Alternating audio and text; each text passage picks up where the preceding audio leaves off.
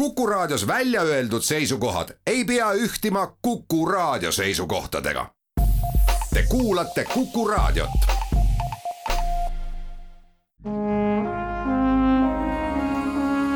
Vanemuise veerand. tere kõigile teile, head Kuku raadio kuulajad. täna on saates külas helilooja Ardo Randvares, tervist. tere. mina olen saatejuht Tiia Rööp.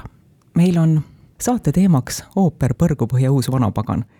Selle esietendus on reedel, kuuendal mail raadiokuulajatele teadmiseks, et see jutuajamine, mida te praegu kuulete, see on räägitud varem, mitte esietenduse eelõhtul või eelpäeval, on õigem öelda. Põrgupõhja uue vanapagana aluseks on Anton Hansen Tammsaare romaan. kirjanike olulisus või kaal või ka loetavus, need on ajas muutuvad. Tammsaare oli oma eluajal oluline ja nõukogudeaegseid raamaturiiuleid kaunistasid samuti Tammsaare kogutud teosed.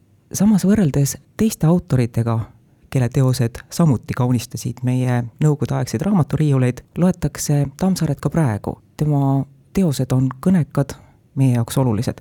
miks on Tammsaare ajas niivõrd vastupidav? no see on väga hea küsimus, et äh, eks ta on klassik ja klassikute omapära ongi see, et nad elavad üle igasugused riigikorrad igasugused äh, poliitilised tuuled, tõmbused ja noh, kui ma olen ikkagi päris põhjalikult nüüd Tammsaarega tegelenud, siis mulle tundub, et ta targu, kuigi ta oli väga kriitiline väga paljude nähtuste suhtes, et ta targu ikkagi eh, otsis seda tasakaalupunkti, et ta on ju ka teatud poolest selline paradokside meister, et vaatame olukorda ühelt poolt, aga vaatame kohe ka teiselt poolt. ja see on päris tark käik, mulle tundub, et et mitte kalduda äärmustesse ja mitte rõhutada ainult ühte võimalust, et kogu aeg nagu näidata sellist ambivalentsust ja elu ongi ambivalentne ja, ja, ja ka ajalugu on ambivalentne ja poliitika on ambivalentne. et mulle tundub, et sellise inimhinge paradokside otsimisega ta on, on jätkuvalt aktuaalne läbi kõikide nende aegade. aga nii palju ma tahaks veel öelda, mis puudutab Põrgupõhja uut vanapaganat, et kui kolmkümmend üheksa see romaan ilmus Noor Eesti kirjastuses Tartus, siis seal ei olnud proloogi ja epiloogi ja see avastati hulk aega hiljem, Tammsaare oli juba surnud siis, tema dokumentide hulgast ja käsikirjade hulgast. ja minu teada esimest korda lisati see romaani kordustrükile alles tuhat üheksasada viiskümmend seitse ja mina arvan, et see ei ole mõistlik. et äh, ma austan äh, kirjaniku soovi, et tal on küll see proloog ja epiloog olemas, selleks, et see konstruktsioon töötaks, aga et ta ei tahtnud seda lugejale avada, et see oli tegelikult saladus. ja see, et see sinna lisati, see on selline nõukogudeaegne väike selline jah, kuidas ma ütlen, vimka. et äh, see on ka üks põhjus, miks äh, ooperis seda proloogi, epiloogi ei ole kas sellest ma võin välja lugeda, et kui tuntud inimesed on omavahel pidanud kirjavahetust ja nende inimeste lahkumise järel nende isiklik kirjavahetus trükitakse ära, tehakse paljudele loetavaks, kättesaadavaks. kas see on õige? see on väga hea küsimus samuti, ma, ma olen neid lugenud, ma olen aru saanud, et on kirjavahetusi, kus on arvestatud sellega, et seda võidakse tulevikus lugeda. on, on täiesti selgelt tajuda. aga on ka kirjavahetusi, mis on ääretult intiimsed ja näiteks praegugi ma loen ühte sellist see on kohutavalt ebamugav aga samas see on ülimalt vajalik mingi teatud ajalooperioodi tundmaõppimiseks, tõesti, kui inimesed ei keeruta, ei valeta, ei püüa näida, vaid nad räägivad päris asjadest ja otse. et see on selline kahe teraga mõõk, ma olen nõus, aga samas ta on väga hea allikas, et uurida mingit äh, perioodi. tuleme Põrgupõhja uue vana pagana juurde tagasi vaatasin järele, esimest korda me rääkisime Vanemuise veerandis Põrgupõhja uuest vanapaganast, kui oli sügis kaks tuhat üheksateist ja me rääkisime teadmises, et augusti lõpus kaks tuhat kakskümmend esietendub ooper Põrgupõhja uus vanapagan. toona kuulutati välja, et Jürga rollis on Märt Jakobson, praegu on Koit Soasõpp Soome Rahvusooperist või Priit Volmer Estoniast ja tookord oli, mäletan, osatäitja nimekirjas ka Jassi Zaharov, keda seal praegu ei ole. päris mitu aastat on läinud ja, ja mitte tegijatest olenevatel põhjustel, miks me saame nüüd alles rääkida esietendusest. mis vahepeal muutunud on? no väga palju on muutunud, selles mõttes, et see teos sai valmis mulle teisel veebruaril kaks tuhat kakskümmend. Äh, lihtsalt see oli nii ilus number, see jäi mul meelde ja äh, nii nagu seal, kui Tammsaare selle teose lõpetas, siis äh, kohe-kohe algas äh, suur ilmasõda. Ja see ongi see suur maapealne põrgu, mida ta nagu hoiab, mille eest ta hoiatab, et kui maailm on hulluks läinud ja mis siis võib juhtuda.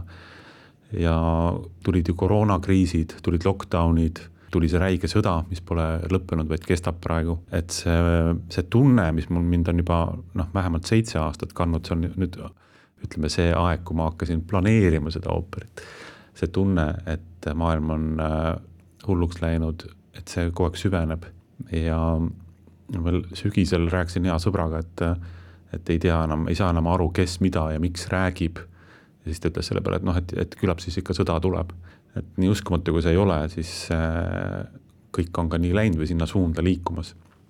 et mingis mõttes, et kui vaadata seda Põrgupõhjat, ta on ikkagi täiesti erandlik äh, teos Tammsaare nii, nagu teoste nimistus, et, et ta on ikkagi väga teistmoodi. ja samas on seal midagi jälle näiteks ka Tõe ja õiguse esimese osaga, et mingis mõttes võib seda vaadata kui Andrese ja Pearu lugu. ainult et äh, niisuguse teise, niisuguse kiiksuga nurga alt. aga jah, et ühesõnaga mulle tundub, Tammsaare ei hakanud enne midagi kirjutama, kui tal oli hinge peal mingi väga-väga põletav probleem, et see käivitas teda võtame kas või näiteks elu ja armastus, et, et, et selline probleem, et, et noored tüdrukud kuidagi satuvad äh, komplitseeritud olukordadesse, sellest piisas, et äh, väga põnev romaan üles ehitada. ja, ja muidugi see Põrgupõhja kajastab sellist äh, neid teemasid on seal ja kihte on seal niivõrd palju, et, et ühtegi ei julgegi tegelikult enam välja tuua või öelda, et vot see romaan räägib sellest või tollest, et ta on ikkagi mõistukõne ja seda, nagu mul üks hea kolleeg ütles, seda võib lugema jäädagi. Vanemuise veerand. Vanemuise veerand jätkub, me räägime sel nädalal esietenduvast ooperist Põrgupõhja uus vanapagan saates on külas ooperi autor Ardo Raan Varres, saatejuht on Tiiu Rööp. Põrgupõhja uut vanapaganat lavastab Vilpu Kiljunen. ta on soomlane, meie muusikasõbrale on ta tuttav, ta on ka Eestis lavastanud Estonias. kui lavastaja toob lavale mõne klassikooperit, siis puudub tal see võimalus, et ta saaks ooperi autoriga suhelda, et ta saaks asju läbi arutada. kui palju teil on omavahel lavastajaga olnud arutelusid? See on tegelikult pikem lugu, kuidas ma Vilpu, äh, Vilpuga koostööd alustasin, et et ma kohtusin Soomes ühe vanema põlvkonna heliloojaga Kalevi Ahoga, kellega ma rääkisin äh, ooperite loomisest ja problemaatikast.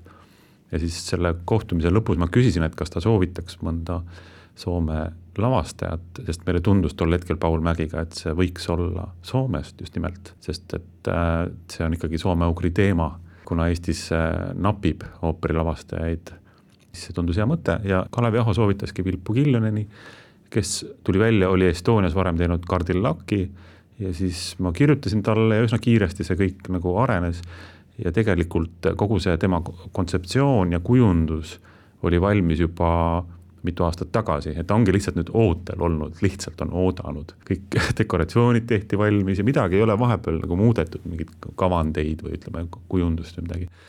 ja nüüd, kui ma nägin, kuidas Vilpu kirjeldas seda, mida ta tahab laval läbi viia, siis tegelikult ma olin juba põgusalt kursis selle kõigega. eelmises küsimuses oli veel see, et, et mis vahepeal on muutunud, et äh, jah, osad lauljad on ju ära läinud Vanemuisest, nagu näiteks Märt Jakobson ja ja ka muusikajuht on vahetunud ja tegelikult on ju ka teatrijuht vahetunud. et tõesti väga palju muutusi on toimunud ja vahepeal on ka Vilpu jõudnud Estonias uue lavastuse teha, mis on ainult tore, ma arvan, et, et see kõik nagu, mulle tundub, et kõik töötab nagu kaasa praegu heas mõttes sellest, et Eestis on vähe võtta ooperilavastajaid, sellest on, on vaiksemalt, veidi kõvemahäälselt räägitud. Aga kui oleks vaja ühte head libreto kirjutajat. kuidas sellega lood on? sellega on ka kehvasti, et äh, ma arvan, et ringkondades teatakse vähemalt ühte inimest ja selle ühe inimesega ma ka kohe rääkisin, kui mul see idee tuli. paraku see koostöö ei käivitunud ja siis ma proovisin veel ja veel ja ega ma ei leidnudki inimest, kes saaks aru, mida ma tahan ja siis mul läks väga pikka aega, et, et ma täiesti juhuslikult, olles Berliinis, Komische ooperis ühte etendust vaatamas, tutvustati mind Kristi Klopetsiga, kes oli seal majas dramaturgi praktikal ja kuna ta on ka muusikainimene, siis lihtsalt hea õnne peale juba pool meeleheites ütlesin, et kas sa ei tahaks proovida kätt ja, ja juba esimesed stseenid, mis ta saatis mulle, olid fantastilised. Et tõesti see libreto teema, et sellest on vähe räägitud ja minu meelest Paul Mägi ütles niimoodi, et, et oopereid võib igaüks kirjutada, aga kust saada hea libreto mingi tõetera selles on. kuidas ooper kui žanr sulle sobib? mulle tundub, et ta sobib väga hästi, et äh, ma olen elus õppinud äh, muusikat ja teatrit ja olen ka olnud praktik näitleja, pillimees, orkestrant ja nii edasi, et, ähm, et mingis mõttes see elu tundub võib-olla nagu kirju, käänuline, aga sel hetkel, kui ma kirjutan ooperit, seda kõike läheb mul vaja. et mingis mõttes see kõik on olnud nagu sissejuhatus. et mul on hästi hea meel selle üle. siis on hea küsida järgmist küsimust, nüüd kus ooperi kirjutamise, loomise nii-öelda töövõtted on selged, kas nüüd hakkab riburada rohkem neid tulema? kindlasti, et tegelikult on järgmine ooper juba töös. Ma võin ka põgusalt sellest äh, teemast rääkida. see puudutab äh, kolmekümnendate lõppu, neljakümnendaid Tartus, loomeinimesi, nende probleeme. ta on fiktiivne, aga samas ta toetub ajaloosündmustele ja kõik see, mis siin Tartus ka toimus, ma mõtlen siis äh, erinevaid okupatsioone, sõdasid, riigikordade vahetumisi sedapidi, teistpidi, kolmandat pidi tohutut laastamistööd, õhkulaskmisi ja siis äh, tegevus läheb edasi Tallinna ja edasi Siberisse, nii et need on valusad teemad, aga see, mis praegu mitte kaugel meist toimub, toob selleni uskumatult lähedale. et veel aasta tagasi tundus et noh, ma ei tea, võib-olla see teema on nagu aegunud, aga praegu on see uskumatult aktuaalne. et ma veel näiteks eile käisin Teatri- ja Muusikamuuseumis lugesin seal äh, sõjajärgseid äh, dokumente ja kuidas näiteks Heliloojate Liidus arutati, et peaks Stalini seitsmekümnendaks sünnipäevaks kantaadi tegema. siis mul tekkis õudne mõte, et kas mingitel aladel hakatakse varsti see, kelle nime ei tohi välja öelda, see M ja P, et temal tuleb ju ka varsti mingi juubel ja siis on ka vaja ju mingeid kantaate. nii et äh, ühesõnaga, see kõik on päris jube helgema teemaga tahaks lõpetada. mis tunne on autoril, heliloojal? Kui ta istub saalis, toimub tema teose esmaettekanne. milline see sisetunne on? Enda poolt on kõik valmis tehtud, tegelikult juba ammu ja nüüd ütleme nii, teised presenteerivad seda. no seal on väga palju vastakaid tundeid ja ootusi, et äh, ma arvan, et hästi suur ootus on see, et sa ise oleksid enda silmis tasemel, et sa ei pettuks omaenda ideede, ütleme, kehvas äh, konstrueerimises. Teiseks, kehvas ettekandes. et äh, kui noh, ikkagi kõlab nagu nii, nagu sa ei ole mõelnud, siis tuleb selline külm higi tuleb otsa ette ja selline tunne on, et kas, kas see nüüd ikkagi on õige, õige asi üldse. aga kui asjad õnnestuvad ja, ja sa tajud, et see, mis sa oled mõelnud, hakkab nagu elama ja hingama siis on sellest tohutu suur rõõm ja kergendus ja, ja, ja kui sealt tuleb veel mingi tagasiside, siis see on väga tiivustav ja on selline tunne, et tahaks teha juba järgmisi ja järgmisi asju. selleks korraks lõpetame saate. külas oli helilooja Ardo Randvarres, mina olen saatejuht Tiia Rööp. saates jutuks olnud ooper Põrgupõhja uus vanapagan esietendub homme, kuuendal mail. aitäh kõigile kuulajatele ja jälle kuulmiseni! Vanemuise veerand